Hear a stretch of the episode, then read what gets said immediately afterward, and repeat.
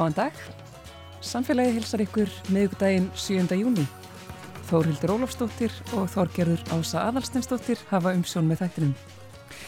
Ímislegt á dasgrá hjá okkur eins og fyrir daginn enn og aftur upplifa neytendur og almenningur sig blekkt þegar kemur að sorphyrðu málum og umbúðum, mjölkuferðnunar okkar sem allir held að væru endurinnar, endamertar sem slíkar, þær eru svo bara ekkert endurinnar. Og það er bara eins og þetta sé að koma öllum á óvart, sorpu og hinnum úrvinnslufyrirtækjunum, mjölkursamsölunni og úrvinnslusjóði. Úrvinnslusjóði sem að borgar öllum hinnum skattpenninga fyrir að endurvinna og endurnýta og á að hafa eftirlit með að það sé gert. Við ætlum að ræða við Breka Karlsson uh, hjá neytendasamtökunum, enda er þetta ákveðin skellur fyrir neytendur.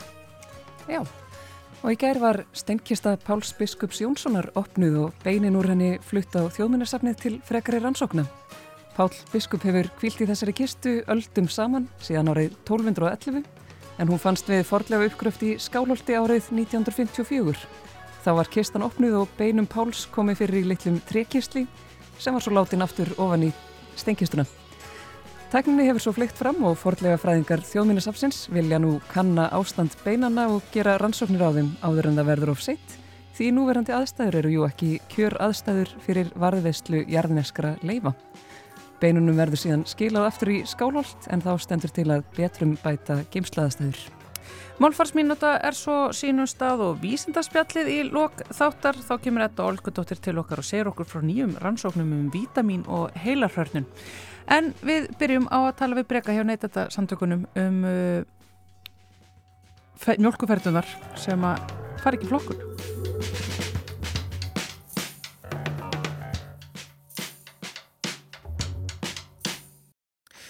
Við ætlum að ræða um sorpið okkar, úrvinnslumálinn. Þetta er náttúrulega málaliður sem er mjög gærtan á dasgrá hér í samfélaginu. Og ég held að það sé því óhætt að segja að hlustundur samfélagsins og neytendur almennt hafi orðið fyrir töluvert miklu vonbreiðum nú á dögunum. Þegar heimildin flettu ofan af því að mjölkuferðunar sem að við öllum að sjálfsögðu lagt okkur eftir að skóla og brjóta um og koma í pappísflokkunar gáminn að þær eru bara sendar til Evrópu þar sem að þeim er brent til orkuvinnslu, jú, en orkuvinnslu sem að fer í þá að búa til sement. Áfall fyrir íslenska neytendur og því er Breki Karlsson formað neytendasamtakana sestur hérna hjá okkur sælvertu. Og þein. Breki, þetta er náttúrulega sko ekki fyrsta málið í e, því hvernig sorpuð okkar er einhvern veginn ekki í þeim farvegi sem við almennt neytendur teljum að það sé í. Nei, því miður, þá er það þannig að þetta virðist að vera trekk í trekk að koma upp. Við, hérna, urðum fyrir áfalli þegar við komumst að því að glerflöskur sem átt að endurfinna væri bara urðaðar. Við urðum fyrir öðru áfalli þegar við komumst að því að plast sem átt að endurvinna í, í Evrópu bara, er bara geimt í húsnæði í, í, í Svíþjóð og, núna þetta með mjölkurferðina. Þetta er ekki til þess að auka tiltrú neytenda og almennings á því að endurvinna. Já, nú sínað kannanir að fólk er mjög jákvæmt út í endurvinnslu, vil gera betur, það er verið að breyta sorgflokkunar kerfi út um all land nú síðast hérna söðvastur hornunum að erðnum tilkostnaði og fólk er svona að leggja sig eftir þessu þó að það þurfa að breyta ruslagjenslunum sínum og finna meira pláss heima hjá sig fyrir flokkunardalla og, og tilenga sér nýja þekkingu allar ansóknir sína og við hér í samfélaginu nefnum það að fólk er jákvæmt út í þetta, það vill þetta. Já, við viljum endurvinna, við viljum hérna, koma ringar á sér hagkerunni í, í gang og við viljum hérna, betra lofslag og, og allt þetta en, og þess vegna er það svo sárt þegar að, að, að við hérna, verðum fyrir því að, að hérna, okkar já, framlag til, til þessa er, er að engu virt með, með því að ekki er farið eftir því sem lagt er að staðu upp með og líka er haldið að okkur að, að, hérna, að eigi að gera sko. þegar, að eru, þegar að umbúðir eru mertar með endurvinnslu þrýhyrningnum þá fylgir það því einhver ábyrð þá viljum við og, og þá telju, erum við í þeirri trú að umbúðirnar verði endurunnar ja. ekki brendar, það er ekki, það er ekki hérna endurvinnsla, það urða er heldur ekki endurvinnsla, að geima plast í, verksmiðuhúsnaði í Svíþjóð er ekki endurvinnsla. Þannig að þarna hefur sko endurvinnsla á Íslandi bara beðin stóran nekki því miður. Já, þetta er á sekkurum endanum líka því að almenningur er bæði frústeraður yfir því að fá umbúðir í hendurnar sem eru illamertar og óflokkanlegar og úr bara einhverju alls konar efnum sem eru ekki reyn. Við stöndum fyrir fram að flokkunadallan og hugsa bara býtu hvað er þetta eiginlega? Og við fáum misvísandi skilaboð úr öllum áttum einhvern veginn, bæði frá þeim sem er að selja okkur vöruna og þau sem að taka við henni og lofa mm. endurvinnsluna á henni. Ég veit ekki hvaða skilningur er lagt bara lengur í orðið endurvinnsla. Nei, ég held að sko, við mögum ekki gefast upp sko og ég held að við verðum að, að, að nýta þetta sem hérna, lærdómsmoment uh, og uh, við þurfum að, að endurskoða okkur sjálf og, og hvernig við höfum verið að vinna að endurvinnslumálum hinga til. Og það er lofsvert finnst mér að, að eh, forsvarsmaður Sorpu hafi komið fram í gær og, og, og bein, beinlinni speðist afsökunar og, og hérna lofað bót og betrun. Og þá eru við allavega komin á einhvern punkt sko, þá er komin svona byrjunapunktur þar sem við getum þá lagt, lagt af stað og hérna farið að, að, að vinna með.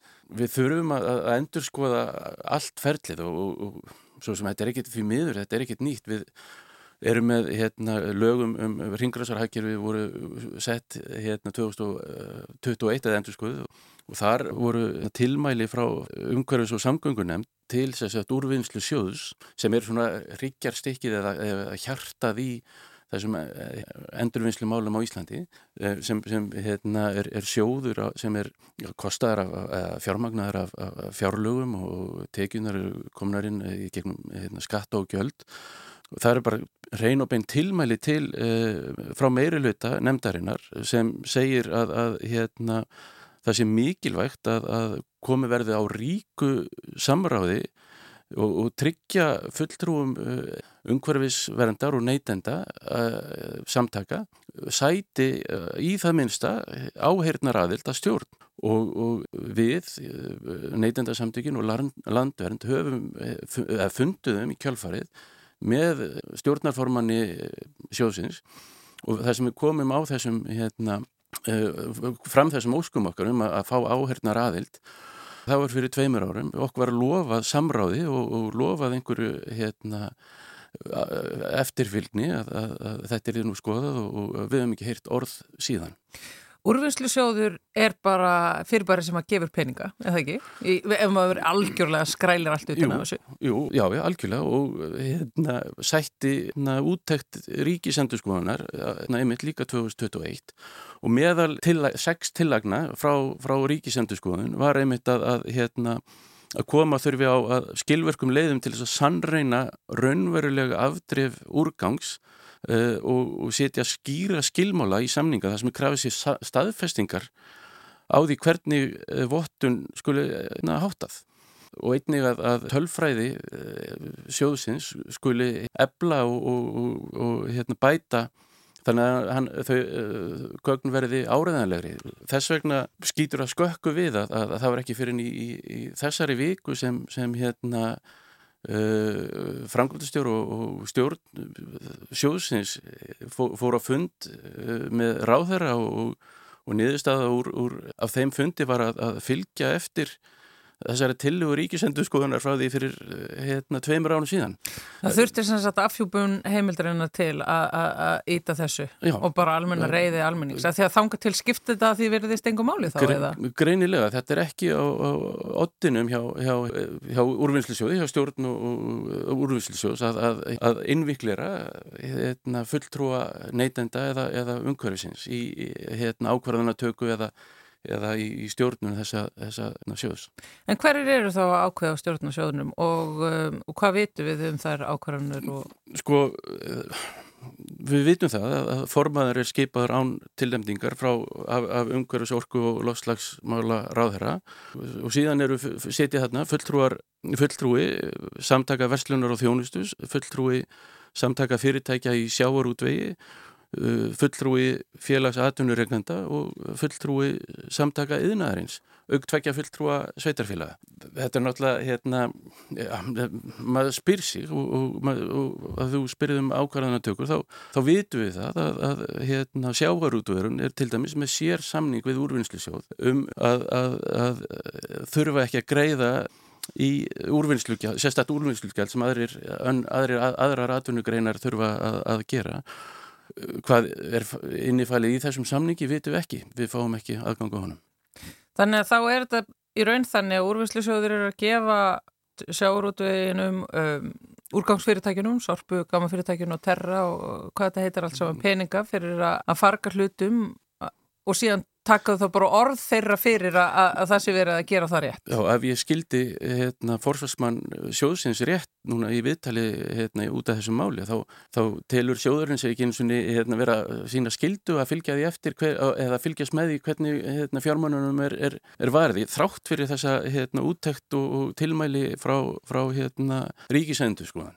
Þannig við erum að fylgja eftir ákveðnum lögum og náttúrulega bara alþjóðlegum lofvörðum hvað varðar mm. umhverfismál hér á Íslandi. Mm. Við erum að reyna að koma sorpinu okkur í ákveðin farveg mm.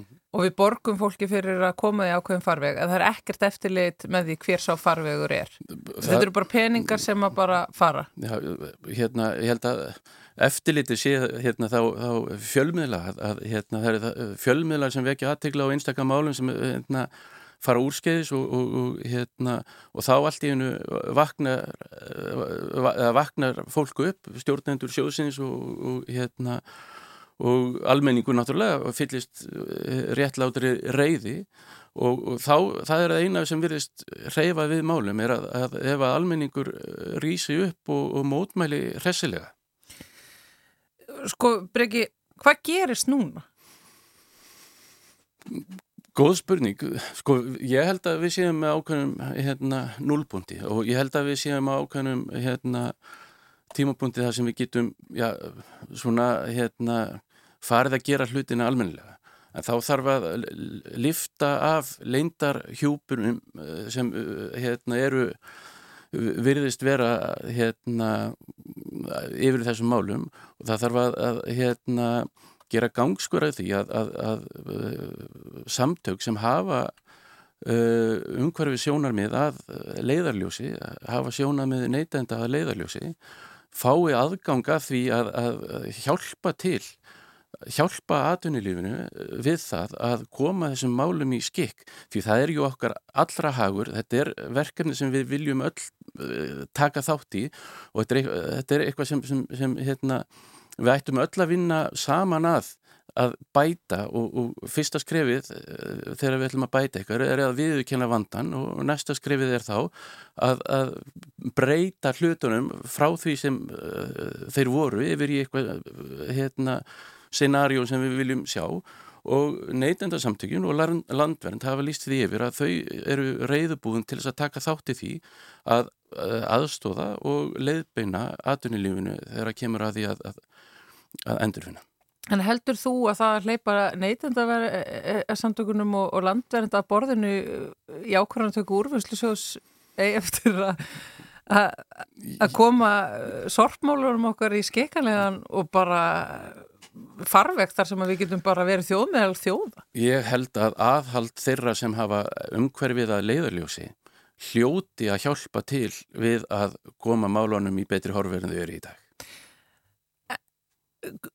En, en aftur, það er búið að koma á daginn að við getum ekki tekið viljan fyrir verkið að því að verkið er ítla unni þó að það sé búið að borga fyrir það þannig að alveg eins mikið og atunulífið og eðnaðurinn og sjáurútveginn og sorfinsli fyrirtækin skreita sig með grænum fánum og þá einhvern veginn virðast svona frettir eins og heimildin var að setja fram bara alltaf koma aftur og aftur.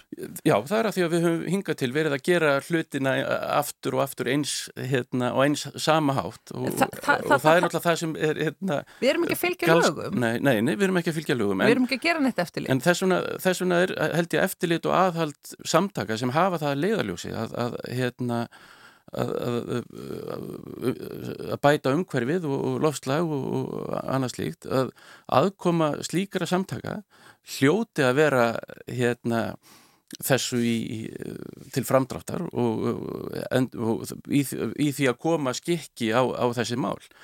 Og svona leindarhjúpur og, og, og hérna, ákvarðan að taka í reikfylltum bakaribergjum eins og virðist vera og eftirlaust hérna bara útbýting eh, fjármuna að því að virðist hún bara hérna, verður að, að heyra sögunum til. En ef við ætlum þá að fara í þetta eftirlit, þá mun það kosta. Og ef að það á að hætta að setja mjölkuferdunar, Sorpa er búin að gefa þú út ef það á að hætta að setja mjölkuferdunar í hérna um, þennan farveg sem að þau hafa verið í sement framleyslunni þarna í miða-Európu og þetta er að fara til einhvers annars fyrirtækis, þá kostar það líka 70 miljónur ári, minnum ég að hafi verið sagt Og svo náttúrulega, hú veist, ef að framlegendur matala á Íslandi ættu að breyta umbúðinu sínum og þá myndir það kosta og bara aftur fyrir okkur neytendur endar þetta ekki bara alltaf á því að við borgum fyrir það? Að, sjálfsögður að þannig og, og þess vegna eru við, eru við með svona í þessu málum eru framlegenda ábyrð og þess vegna er, það eru framlegendunni sem bera ábyrð á, á hérna, umbúðum sinna vara og þess vegna þurfum við líka að samhliða að, að krefja framleiðendur um einfaldari eh, umbúðir að hérna og að, að, að fólk sé þá greiða raunverulegan kostnað við, við hérna, umbúðanótkun og það að blanda saman hérna, tegundum eh, sorp, eh, eða sem, sem, sem eru endurvinnslu tegundum þar að segja plasti og pappir og áli og, og, og allir þessu dótar í ja. það er bara, hérna, þurfum við svona smám saman að, að finna aðrar, aðra leiðir auðvitað munum við aldrei hérna í matvaleiðina munum við aldrei losna algjörlega 100% við, við hérna svona ja, plast eða, eða aðra umbúðir að að það, það, við höfum ekkit annað betra hérna í dag en, Plast er frábært ef það er reynd og það, það er flokkað á endanum já, sko? og ef það er flokkanlegt já, já. og það, það er krafan kannski sem við þurfum að fara að gera sem neytendur er að vera ekki með þessar eh, fjölþættu umbúðir að pappir og, og plast sé eh, aðskiljanlegt eins og í umbúðum eh, hérna, kjötvara til dæmis er það hefur orðið bilding á undanfjöldnum árum í, í, í þeim umbúðum hérna það er örf á ár síðan að, að það var fröðplast í öllum hérna, kjötbökkum og, og, hérna en núna eru er, er, um, búið að minka plastnótkuna yfir í, í bara brota því sem var. Það er að skilja hérna, að eh, hérna, pappan frá, frá, hérna, eh, frá plastinu sama með, með hérna, smjör hérna nú er þetta að skilja pappan frá eh, plastinu þar líka þannig að það er þetta að flokka það og, og það þarf að gera okkur þetta okkur neytendum, þetta einfaldara og, og það þarf að vera rekjanlegt og, og þá þurfa allir aðilar að, að, að koma að málum það, þurfa, það eru framleiðendunir það, er, það eru neytendunir og það eru eh, endurvinnslu aðalegnir og, og við þurfum öll að vera við sama borð að því að að takmarkið okkar er það sama á endanum. Já, og þetta er einmitt málið, það er bara líka verðist vera í þessu ferðlöflu og talar ekki saman. Mm. Hefðu mjölkusansalan ekki geta ringt í sorpu og spurt, bara herðu, veist, hvernig ætlið þið að, hvað verður um Getur tjekkað á því að þegar við ætlum að sjá bara algjörlega endana á umbúðinu sem við erum að selja neytendunum okkar. Hva, hvað verður í mjölkuferðnuna sem við erum að búa til hérna? Algjörlega og, og, og við þurfum að mitt líka. Það, við höfum getað til dæmis tjekka á þessu áður en þið sett út auglýsinguna um þetta að vera endurminulegt. Algjörlega. En, veist, af því að það er líka sko, það er eitt að fríja sér ábyrg sko, veist, en, en veist, það hefði líka bara verið hægt að tala við gaurin á hinn endanum. Já, já, og, og það er bara, við erum með þannig reglur í okkur samfélagi að þú mátt ekki fullir það eitthvað um, um vöru eða þjónustu sem ekki er hægt að sannreina að, að hérna, og, og þar alveg og við höfum í þessu máli höfum við beint hérna, aðtekli neytendastofu hvort að þarna hafi hreinlega verið um villandi markasaðferð að, ræða þegar að, að það er fullirt á umbúðum að hún, hún hana skuli endurvinna. Í það minnst að finnst okkur það hjá neytendasamtökunum það stapar næri grænþvotti að vera með eh, endurvinnslu þrýhyrningin á umbúðum sem, sem uh, augljóslega að, því að þeir verðist vera uh, í samkvæmt hérna, umfjölluninni og búinbjörnum gögnum að, að, að augljósta sé ekki hægt að endurvinna. Mm -hmm. um, tröst neytenda og almennings er náttúrulega uh, mikilvægt öllum sem að vilja þrýfast í okkar kerfum. Ég held að það sé alveg óhætt að segja að þetta sé nú farið í, í svona Þetta sé allavega verulega illa að fara með þetta hins vegar náttúrulega erum við, gleymum við fljótt og, og erum, erum eh, merkilega seinþreitt til vandraða virðist vera. Eh, Sorpa er búin að byggja stafsökunar, verður þetta að einhverju meiru, höldum við bara áfram að sko, flokka, allir hessir Já, því miður er okkur, erum við mynda um á þetta á, á svona um það bíl ársfresti, hérna, því miður koma upp svona mál og það, ég segi það bara, nú er tækifæri til þess að gera hlutinu öðruvísi, nú er tækifæri til þess að fara eftir nefndaráliti alþingis, nú er tækifæri til þess að fara eftir hérna úttækt ríkisendurskoðanar, hvort tvekja frá því fyrir tveimur ána síðan þá var ekki einhvern veginn eh, moment til þess að gera það. Nú, nú getum við gert það og að viðkenna að hafa, ránt, hafa haft rámt við er fyrsta skrefið og nú þurfum við bara að byggja upp þetta traust og, og við þurfum öll að koma því saman, framleiðendur, neytendur, eh, umhverfis, vendar samtök og uh, síðan endurvinnslu aðilar því að öll viljum við endurvinna og við þurfum að, að koma þessum málum í. Ég ætla að halda áfram að flokka mjölkuferðunar mínar. Velgert, ég líka. Breki Karlsson, neytenda samtöknum. Takk hella fyrir að koma til okkur í samfélagið.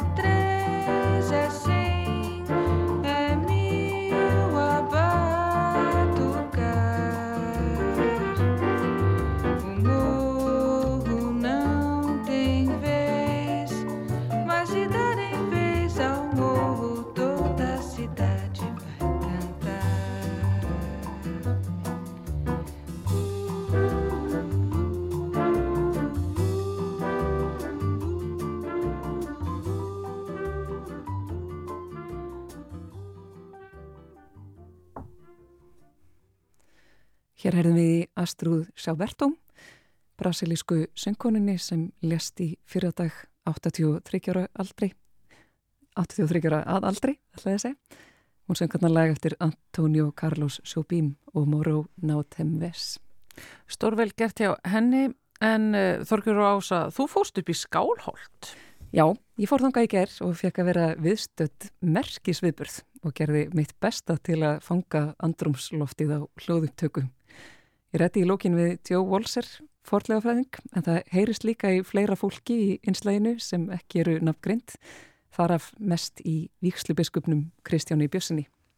Spennandi þorgar við allir meðir upp í skálholt hér í samfélaginu.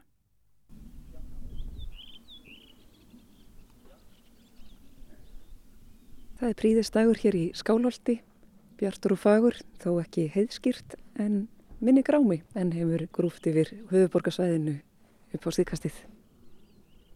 Einan skams á að opna hér steinkistu Páls Biskups Jónssonar sem lest árið 1211 en kista hans fannst við frægan fordlegu uppgröft árið 1954 sem Kristján Eldjórn fyrir um fórseti stóð fyrir.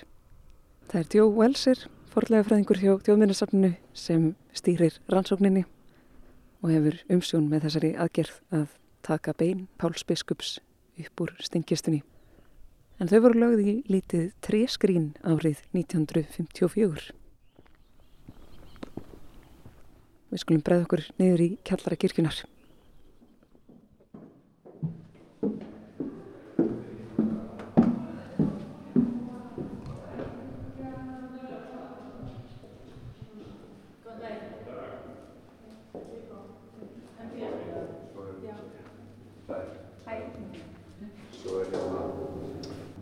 Borðið svona til að taka við steinunum sko.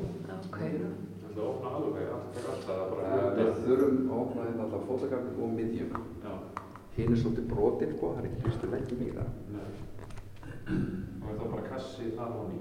Já, það er svona kistil sko. Já. Það eru útbúinir svona kistlar og svo eru þeir opnaðir við svona, uh, hvað maður segja, við loftændar aðstæður eða svona, það er, það er svona sérstaklega. Er kistilina bara upp úr Já. og það er engin, engin bein eða neitt. Það, það er, nei, það, það er þá í honum, hann vill ekki opna þau sko, kistlana fyrir nema við þessar aðstæður þarna. Fyrsti biskup sem er grafin hérna í kirkjunni í Skálholti er Kólur. Kólur er biskup sem var farandbiskup á tímum Íslefs uh, Gilsvarasonar, fyrsta biskupsins og þeir voru ágæti vinnir og hann kemur hingað í Skálholt þegar hann er vekkur og, og deyr hér og hann er fyrstur garðar í söðukornum í kirkjunni sagt undir orgelinu núna. Eða þar. Og þar í söðukornum er, er, var líka Pál sko. Við vitum ekki nákvæmlega að beinin eru vel varveitt eða hvernig er búið um þau en það er mjög svipað, þetta er samskona kistur og hinnar að það er mjög svip líklegt að þetta sé sko, að þetta sé samskonar umbúnaður. Þetta er svona uh, vapningar, svona vafið um hvert bein og svo raðast svona niður hjá. Þannig að þó við opnum að þá ættum við eftir að fletta utan að því og hérna en þetta eru, þetta eru hérna sko ekkert ósöpa því þegar bein voru tekin upp hérna hjá katolikunum sko menn voru gerðir að herkumannum eða dýlingum að það var svona beina upptaka og, og, og skrínlagning kallið og þá, þá var það þannig að hérna að þá voru beinin sko lögð í svona kistla og þau voru oft svona gerðir eins og kirkjur. Þessi, þið sjáu þetta í kirkjum viða um Evrópu og, og þessi, þessi gömlu skrín sko.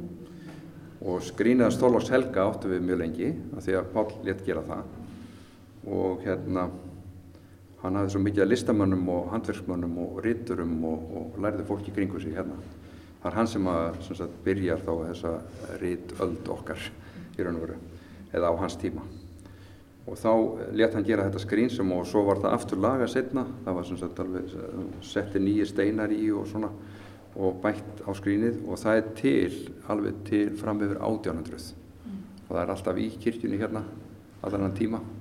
Og, og svo er, sagt, er, það, er það varveitt en svo er uppbóð á öllum eigum skálos uh, um 1800 og valgerðu selur alla hlutina. Og þá og byggir valgerða kirkju að þá er, þá er hérna hverfur skrínuð og það veit engi hvað það er. Skríð þólas Er vitað hvað það var stórt? Var það? Já, það er alveg lýsing á því þólasögu og, og hérna, það, menn hafa gert myndir af því, alveg tekningar, þannig að það er nokkur nefið að hvernig það leit út. Og var það í svipaðri stærð og þetta? Já, það er svona yfirstærra, það var yfirstærra.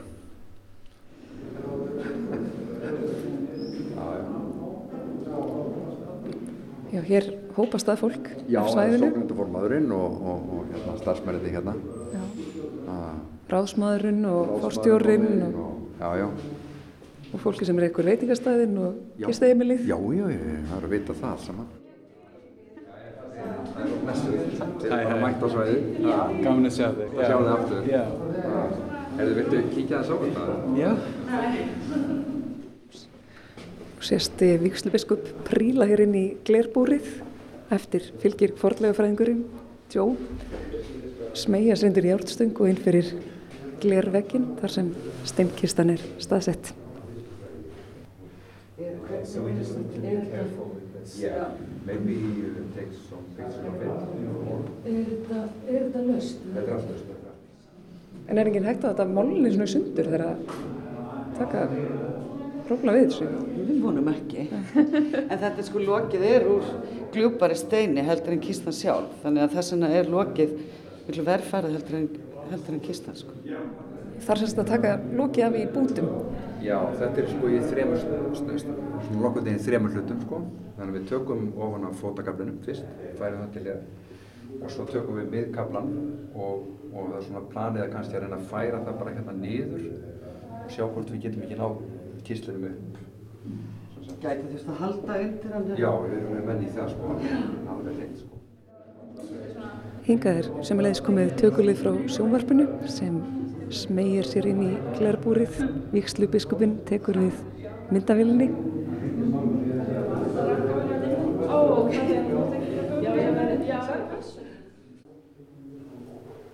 Nú hafa tveir vinnumenn tekið sér stöðu við kistuna á samt Djó Welser forlega fræðingi. Þeir verðast í þann veg að fara að opna kistuna. Okay, before we, before we start, I, I would like to say one prayer. Svo við skulum fara með sér að Hallgríms, hveiti korn þekktu þitt, þá upprýs holdi mitt, í bindinni barna þinna, blessun láttu mig finna. Amen.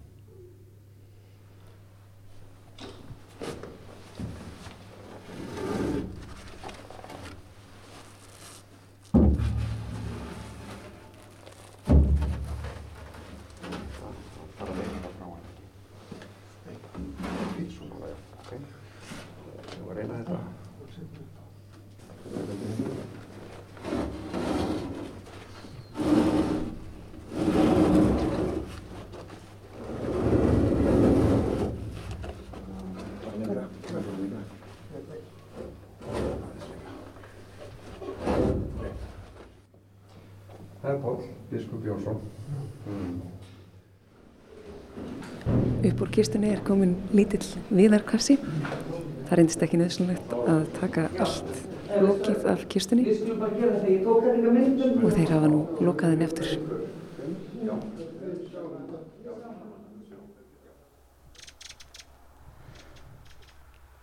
Við Jó Welser bregðum okkur út fyrir og komum okkur fyrir undir húsvegg eða öllum heldur kirkjuvegg til þess að spjalla þeim saman um það sem er framöndan.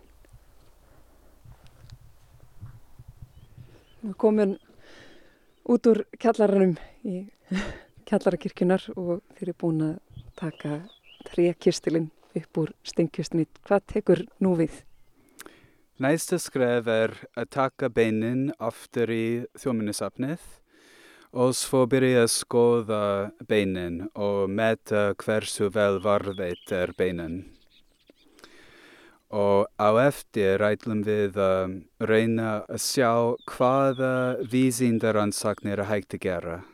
Og við ætlum að taka nokkra síni til að gera þess, en við ætlum að taka eins og minnst er hægt að gera. Smá, smá síni. Uh, ætlum ekki að eða mikið bein.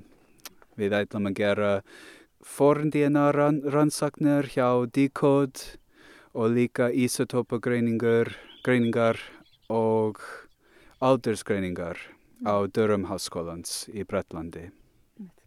En var eitthvað annað gert árið 1954 heldur en að setja beinin í þennan trekistil? Voruðu rannsöku þá líka? Já, uh, í 1954 voru Jón Steffensen að rannsaka beinin. Svo hann gerði alls konar mannabeinafræðilegt greiningar. Hann var bara að skoða bein, það var ekki hægt að gera mm, uh, vísinda rannsaknir eins og í dag. Og svo í 2008 uh, rannsaknarhóp kom hingað að taka eitt síni frá Páls Jónsson og þau gerði isotopagreining og aldursgreiningu sem var að segja hvenar hann dó og líka sem, sem er þekkt og líka hvað var hann að borða og nýðurstöður uh, var að hann var að borða mataræði sem var mjög svipað með resta fólk í svæðinu. og, og hver var helsta uppistað þess fæðis? Þau voru að borða mm, terrestrial diet sem er uh, fólk var að borða kannski lambakjöt og bara venjulegt íslensk mataræði Mm. og líka fisk. Það var 17% fiski mataræði Okay. á honum. Já. En líka korn eða... Já, já, já. Sem er ekki hægt að sjá í isotópa greiningu en hlýtur vera. Er hægt að útskýra í stuttumáli hvað ísotópa greining er? Já, isotópa greining er þegar þú taka eitt bein eða tannsýni frá, frá eitthvað einstaklingur og svo setja það í mass spectrometry sem er að meta collagen sem er hlut af beinum, organic hlut af beinum. Svo á bein við eigum calciumcarbonate, calciumphosphate og collagen. Ah, this is too complicated. let's back let's back up a bit. Yeah. Okay. Um en já, þú taka eitt bein eða tannsýni og svo um, gera mass spectrometry sem ég veit ekki hvað heitir það á íslensku. Ekki heldur. Ég, þarf að, ég skal fletta því upp. Já, ok.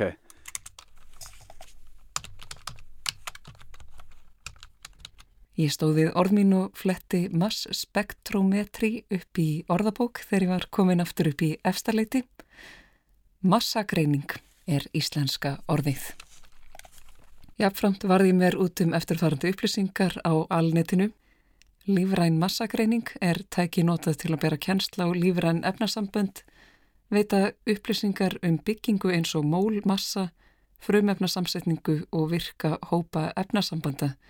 Lífrænum massarófsmælum má skipta í fjórpóla massarófmæla, jóna, gildurum massarófsmæla, flugtíma, massagreinir og segulmagnaðir massarófmælar. Með grunar að þessi vefsíða hafi verið þýtt af gerfigrind. Við skulum bara heyra restan af því sem að Tjó Walser hafði að segja. En massagreining er sem sagt íslenska orðið sem ég lofaði honum að finna. Um, og svo nýðurstöður sem kemur frá þessi greiningar um, gæti segið um mataræði, hversu mikið fisk fólk var að borða til dæmis og það getur líka að segja frá hvaðan fólk kemur. Ef fólk kemur frá, frá Íslandi eða ekki og stundum er hægt að sjá ef einhverju maður kemur frá eitthvað sérstaks svæði á landinu.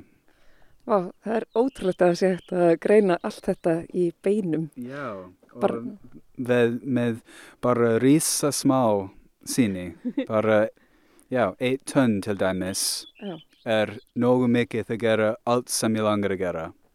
Hvað var til þess að þú valdir fordlegafræði og mannfræði og svona, ef þú segir aðeins frá leiðinni þinni hingað og hvernig þú endaðir á Íslandi sem fordlegafræðingur hjá þjóðmennsamnu.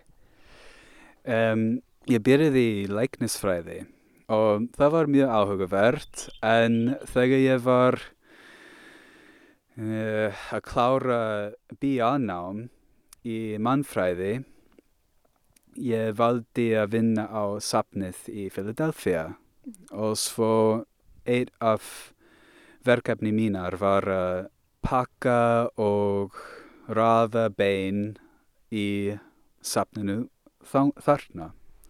Og svo um, þetta kveikti áhuga í, í beinafræði.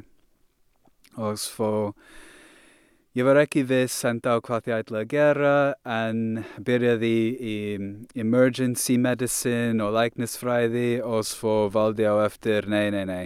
Ég ætla að fara til Englands og læra manna beinafræði. Bara eitthvað ákveðan sem, sem gerast yfir, na- yfir nót Já, vá. og svo eftir ég var búinn með uh, meistaranám ég fór til nokkra staðir að rannsaka bein til dæmis á Spáni og Bulgaríu og Sudan og svo ég kom til Íslands í eitthvað uh, turistaferð með vinkona mín og ég sá nokkrar fólk sem ég þekki og the rest is history. Mm. Sex mánuði á eftir flutti ég, ég hingað og byrjaði að gera doktorsnám og svo klári ég doktorsnám í mannabeinafræði uh, að skoða uh, helsufar og um, beinbreytingar á fólks frá Íslandi uh, á milli vikingaöld og miðöld og ég var að hugsa um að skoða um, umhverfislegt áhrif á fólks. Mm. Virkilega áhugast. Takk kærlega fyrir að spjalla þess við mig, Tjó Welser, forðlega fræðingur. Takk sem að leiðis.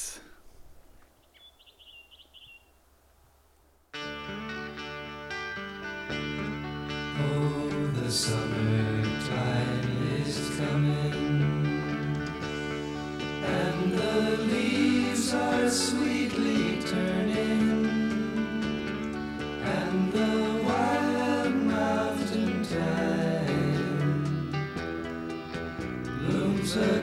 the purple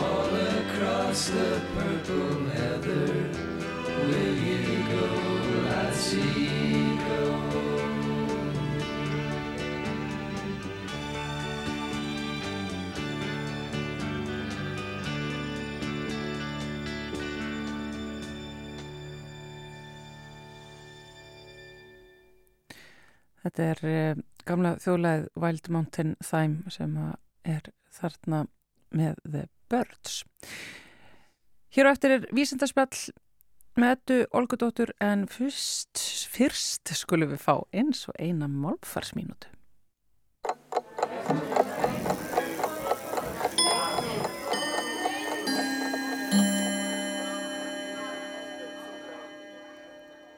Hán, hér og hín eru nýleg fornöfn í þriðu personu eintölu kvorukinni. Mart kynsegin fólk kýs þau í stað kvenkins eða karlkins fornöfnana hún og hann. Í fleirtölu er notað þau. Þetta personafornafn, þau, sem við notum venjulega um tvær eða fleiri manneskjur, hefur svo fengið nýtt hlutverk. Sumt kynsegin fólk, ekki síst yngra fólk, kýsa nota þau á samhátt og hán, hér og hín, það er að segja í þriðju personu eintölu. Fyrirmyndin er fleirtalan þeir í ensku sem hefur lengi verið notuð í eintölu um kynsegin fólk og þegar ekki er vitað hvert kynið er. Það getur verið snúið að venja sig á að nota þau í þessari merkingu.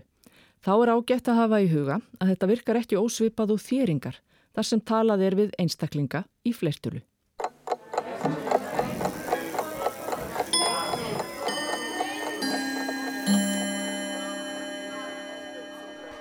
Málfarsmínúta að baki og uh, frá henni rennum við beint í vísendarspjallið með ettu okkar Olgudóttur sem er sest hérna hjá okkur sælverstu. Sælar.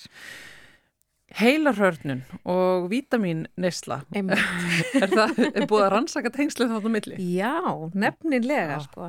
Allt skoðið þið vísendafólk. Já, ég ætla að taka bara hérna, ábyrð á því að hafa skoða þetta af því að ég las greinarnar um þetta. Já, einmitt.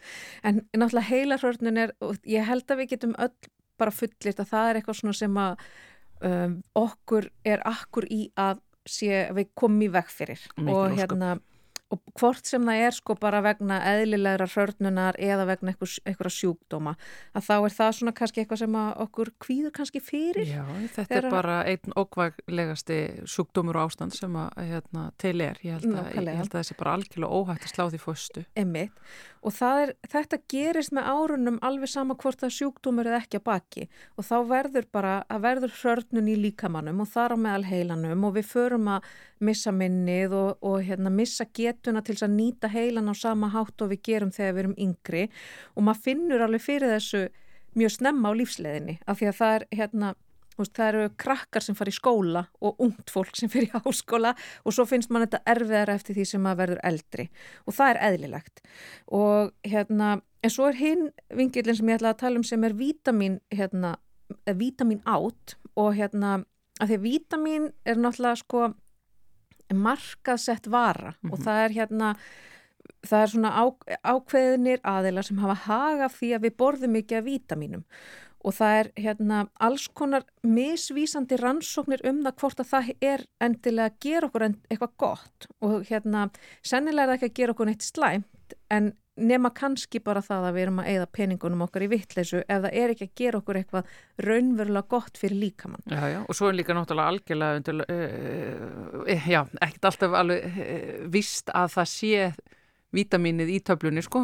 Nei, já, einmitt, það, það er nú enn einn mikilinn á þetta, sko. En ef við gefum okkur að þetta séu vítamin sem er í töflunni og hérna raunveruleg, raunveruleg vítamin, það er náttúrulega þannig að, sko, þegar við erum með eitthvað vítaminskort að þá þurfum við á þessu að halda. Það er, ekkert, hérna, það er engin vafatrið um það og til dæmis bara hérna á Íslandi þar sem að sólar gætir ekki nema bara þrjá mánuða ári og stundum valla þá, að þá er mjög mikilvægt að taka vítamin eins og D-vítamin vegna þess að við framleiðum það þegar við hérna, komumst í snertingu við sólarljós og við á norrlegum hérna, slóðum erum kannski ekki í jafn mikill í snertingu við, við sólaljósið og, og aðra þjóðir. Þannig að það eru svona ákveðin vítamin sem við vitum að, að það er uh, oft skortur á og svo er náttúrulega einstaklingsbundið hvers hvaða vítamin viðkomandi þarf. En hérna, vítamin er samt bara seld í sko matveruverslunum sem bara hérna fjölvítamin fyrir alla og þá er bara verið að miða á uh, ráðlegan dagskamt sem er sko svolítið eins og BMI stöðul. Það er bara meðaltal þess sem við þurfum á að halda á hverjum degi og hva, hversu mikið ég þarf persónlega eða þið er mismunandi vegna þess að það skiptir máli hvað ég er að borða, hvað ég er að gera, hversu mikið ég sef og bara alls konar þættir koma þarna inni. Þannig að það er ekki sko Ráðlaga dagskamtur er ekki först tala fyrir hvern einstakling, heldur meðaltal fyrir okkur öll. Mm. Og svo þegar við verðum að marka setja þetta, þá fáum við bara hérna töflur sem að geima þá þennan ráðlaga dagskamt. Mm. Og rannsóknir á því hversu mikil, á, mikil áhrif vítamin intaka hefur á heilsuna, þær er ekkit endilega mjög skýrar og, hérna, og það getur líka verið vegna þess að vítamin er náttúrulega bara risastórt reglífa heiti og ef þeir eru til dæmis að taka fjölvítamin þá eru þar hérna 20 vítamintegundir undir eða ég veit ekki hvað það er mikið. Þannig að það er rosalega mikið að bæti efnum undir þessari hérna reglífa hlýf sem heitir vítamin og e, það er líka kannski, þú veist, þegar við erum að rannsaka þetta þá þarf það, þetta er svolítið svona eins og að sjá ekki sko skóin fyrir trjánum, skiljiði, af því þetta er svo rosalega stórt mengi og og svo er bara heilsa líka rosalega stort mengi og það hvernig rannsóknar eru byggðar upp getur haft opbosla mikil áhrif á það. Hvað er verið að taka, hvers konar vítamin er verið að taka, hvaða sjúkdóma er verið að rannsaka, hvernig, er, hérna, hvernig eru þáttakandur samsettir, hvað er, hérna, hversu lengi, hversu löng er rannsóknin. Það er svo margir þættir sem að spila þann inn í. Þannig að niðurstöðunar eru mjög misvísandi og það er ekkert beint sem bendir til þess að taka vítamin án þess að vera með vítaminskort hafi endilega góð áhrif á okkur. Fyrir en nú. Og þá, er, þetta er sérst rannsókn, þetta eru tvær rannsóknir reyndar, önnur er byrt sko í september 2022 og hinn var byrt núna í mæ 2023 þær eru báðar unnar í bandaríkinum og fyrir rannsóknir sem var byrt að þar var reyndar lagt upp með að skoða áhrif hérna eh, kakoekstrakt á heilarhörnun og kakoekstrakt er sko hérna það er rosalega mikið af efnum sem heita flavinóla flavinóðar eða eitthvað í mhm. þessu. Og það eru svona sagt efni sem eru, við vitum að hafa hérna, hefur sínt fram á að þau hafa eh, hindrandi áhrif á krabbamein hindrandi áhrif á bólgur og þetta eru svona andóksunar efni ofurfæða Það hefur verið að selja þetta svona hreinu kakunipurnar sem þú getur fengið í hilsulhuta verslana Já, og átt að setja þetta á grötiðin á mótan. Svo smakka þetta ekkert eins og sukulæði ef einhver var að vonast til þess. Því lík vonbreiði, þetta er ekki sukulæði nákvæmlega. En þetta er, já, þetta er nákvæmlega ofurfæða og þau eru að skoða hvort að þessi kakoekstrakt hafi einhver áhrif á heilarhörnun og til að gera langarsögu stutta þá hafa kakaoekstraktar ekki áhrif að heila hrörnun. Þannig að mm. þau breyttu svolítið um kurs í þessari rannsókn og voru líka með auka hóp sem að tók bara fjölvítamin og hópanir semst í báðum þessum rannsóknum að þá eru þau að skoða fullori fólk meðalaldurinn er 70 ára og þau eru semst beðinu um að taka annarkvort fjölvítamin eða þá livleisu og í fyrir rannsóknir þar er þetta sko eitthvað í kringum 2500 einstaklingar og í þeirri setni þá er þetta í kringum 3500 einstaklingar og þegar að þau sem sagt byrja rannsóknina að þá taka þau svona minnispróf eða og próf sem að sko mælir minni, rökhugsun talnalæsi, uh, getuna til að vinna úr upplýsingum og alls konar upp hérna starfsemi heilans, veist, hvernig við notum heilan. Og þetta er allt saman eitthvað sem að smátt og smátt hörnar þegar við eldumst. Og svo mæla þau eh, notaðu þetta sama próf í upphafi rannsóknar og svo hverju einasta ári. Og rannsóknirna ná yfir þrjú ár sem er náttúrulega bara frekar langt tímabil með að við margar aðra svona rannsóknir. Og niðurstöðnar eru mjög jákvæðar. Að þarna virðist fjölvítamíni vera að hafa jákvæð áhrif er að segja að vernda gegn heilarhörnun og þá sérstaklega í fólki sem er með undirlikjandi hjarta og æðasjúkdóma. Sem Þa... eru mjög margir á þessum aldri. Já, nákvæmlega. Þannig að þetta eru, hérna, veist, þarna sjáum við, það er eitthvað, það er eitthvað í þessum vítamintöflum sem að er að hjálpa okkur. Næst væri kannski að reyna að finna, er hvaða vítamin er það eða er það kannski einhver samleðar áhrif eða einhver svona samverkun milli vítamína. Já, þú leggur allt stafróðið saman á vítaminunum og þá virkjaðu. Þannig að þú getur ekki bara tekið díða. Nei, er, þannig eru þau bara með fjölvítamin. Já. En þannig eru þau líka bara að skoða einn hlut. Þau eru ekki að horfa bara á almennt á heilsu, heldur á almennt á heilarhörnun sem er náttúrulega miklu, miklu minna mengi þó að það sé samt ennþá stórt. Sko. Mm. En er eitthvað hættar sem getur stafað af því að taka of mikið af vítaminum? Já, einmitt, þetta er góðu punktur vegna þess að við eigum ekki að taka of mikið af vítaminum sem eru fyturleysanleg og þar til dæmis er hérna, fellur D-vítamin undir og A-vítamin og það er vegna þess að þessi vítamin þau sapnast upp í líkamannum. En önnur vítamin eins og hérna, B-vítamin og C-vítamin þau eru hérna, vassleysanleg og þá hérna, losum við okkur bara við þau vítamin sem við borðum í ofgnótti og mm. það er í raun og verið engin hætt af því.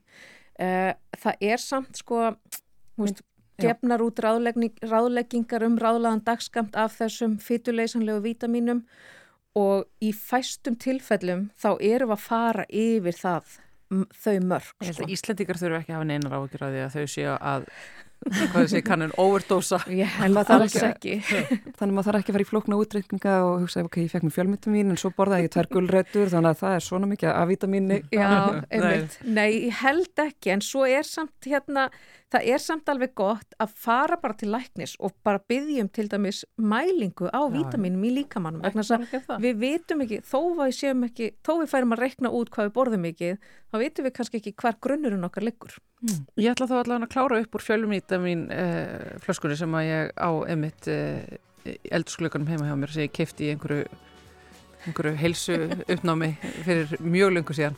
Já, bara drífa þetta í þig. Já, já, heyri, þetta er allavega aðteklisvert skellur að vísa fyrir kakoserimóniunar en, Já. en ég held að eldri borgar þessar lands hafi kannski ekki verið miklu fasta gestir í þeim hvort þið er. En upp með fjölmítar bara svona til vonur að vara. Já, ég þetta Olga Dóttir takk hérlega fyrir að koma hérna til okkar í samfélagið og með því eh, klárast þáttur dagsins Þorgjur og Rása Já, við verum hér aftur á morgun. Já, Þórildur og Þorgjurður um, klukkan eitt með samfélagið þá veriði sæl kæru hlustundur